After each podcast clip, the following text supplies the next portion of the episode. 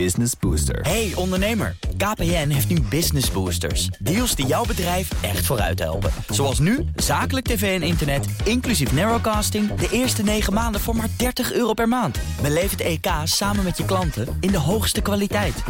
Kijk op kpn.com slash businessbooster. Business Booster. Auto-update. Auto-expert bij de Nationale Autoshow. Meijner Schut, goedemorgen. Goedemorgen, Bas. Ja, die schommeldiesels. Eh, stel nou dat inderdaad dit president, waar we het net over hadden met Babs van Staak... als we dat even doorrekenen, wat kost dat eh, Volkswagen AG? Ja, dat gaat een eh, flinke duit kosten. Want het gaat om auto's die geleverd zijn tussen 2009 en 2016. Hè. Dus dat zijn er best wel wat. 150, 150.000 tot 180.000 in Nederland. Alleen al Nederland, ja, ik heb even het voor Nederland bekeken. Eh, als die allemaal 3000 euro zouden krijgen... dan zit je dus op een bedrag eh, van eh, zeker een ha- half miljard euro. Hè. Dus, eh, alleen voor Nederland. Dus dat, dat zijn wel eh, forse bedragen. Eh, en ja, het, het, het kan dus zomaar zo zijn als de rechter inderdaad deze toekent, deze 3000 euro. En mensen kunnen zich nog altijd melden. Hè. En het gaat om eh, 150 tot 180.000 auto's. Ja, alleen voor Volkswagen. Alleen voor de Volkswagen er zijn, Precies. ja, er zijn ook nog allerlei eh, andere fabrikanten, Mercedes bijvoorbeeld, die zich schuldig gemaakt heeft aan.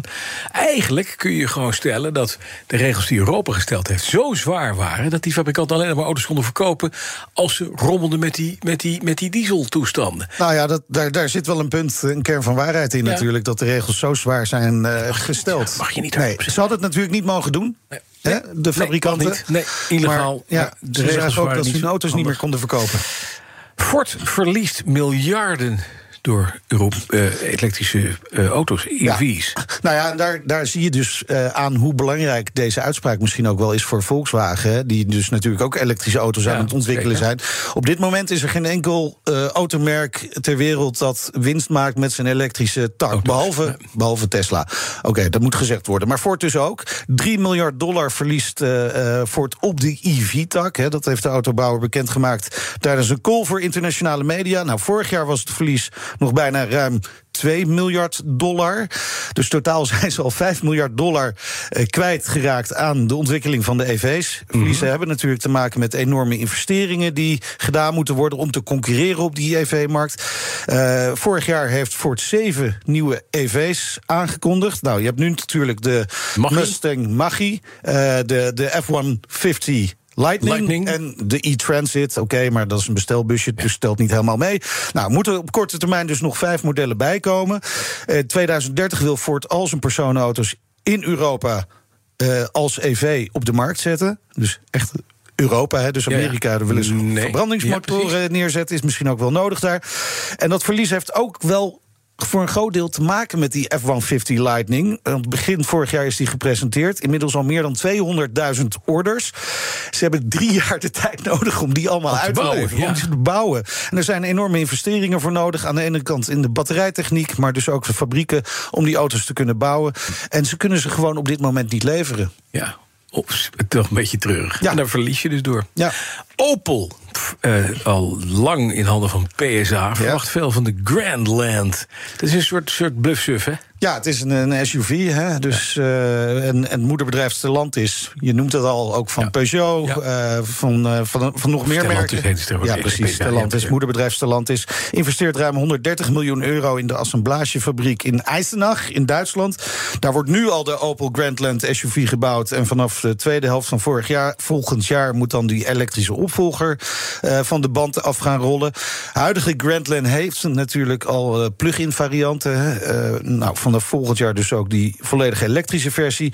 Wordt gebouwd op het STLA Medium platform van Stellantis. Dus ja, dan weet je eigenlijk gelijk ook dat andere merken er ook op gebouwd zullen worden. Ja. Peugeot, Jeep, et cetera, et cetera. 2028 wil Opel alleen nog maar batterij-elektrische modellen op de weg zetten. Oké.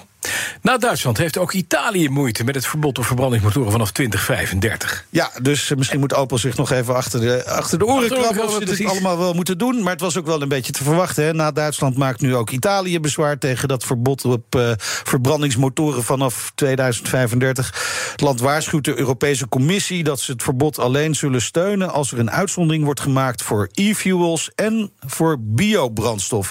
Nou, Italië gaat daarmee dus nog een stapje verder dan Duitsland... want dat Dat land wil alleen een uitzondering voor de e-fuels. Ja. Italië zou een onnodige beperking, beperkte interpretatie door de commissie van de CO2-neutrale brandstoffen, die alleen e-fuels omvat en geen biobrandstoffen, niet accepteren. Dat is de letterlijke tekst vertaald naar het Nederlands natuurlijk. Eh, van een brief eh, van de Italiaanse ministers van Transport, Milieu en Ondernemingen in, eh, in die brief aan de commissie. En die is ingezien door Reuters. Dus ja. ik denk dat dat verbod op verbrandingsmotoren er in 2035 niet zo heel snel gaat komen. Dat komt met twee mitsen en één Ja, maar. En ja. uit Duitsland en uit Italië. En misschien nog wel uit Frankrijk. Ook een heel Dat groot zou zomaar auto, kunnen. autofabrikageland. Dan laat Ford nog even de Mustang GT3 los op het circuit. Daar zit geen, ja, behalve de lampen, geen elektra in, hè? Nee, nee, nul, nul. even, even terug naar eh, 15 september vorig jaar. En toen presenteerde Ford de zevende generatie Mustang alweer. Heel fijn nieuws voor de petrolheads onder ons. Hier zitten er in ieder geval twee, drie misschien wel. Drie. Nina, Tweeënhalf. toch? Tweeënhalf. Ja.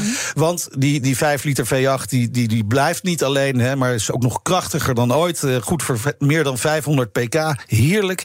Maar dat is dus geen nieuws van vandaag. Volgende dag liet Ford ook nog even weten dat er naast Dark Horse S. I love that name. Een eh, leuke trackdays, eh, voor de leuke trackdays ook een GT3 voor Le Mans zou komen. Nou, die is nu losgelaten op het circuit. Eh, en, en om even lekker los te trappelen, Ford-CEO Jim Farley die zet een filmpje op Twitter. Zullen we even luisteren? Ja, en moet je heel goed luisteren. Je hoort het bijna niet.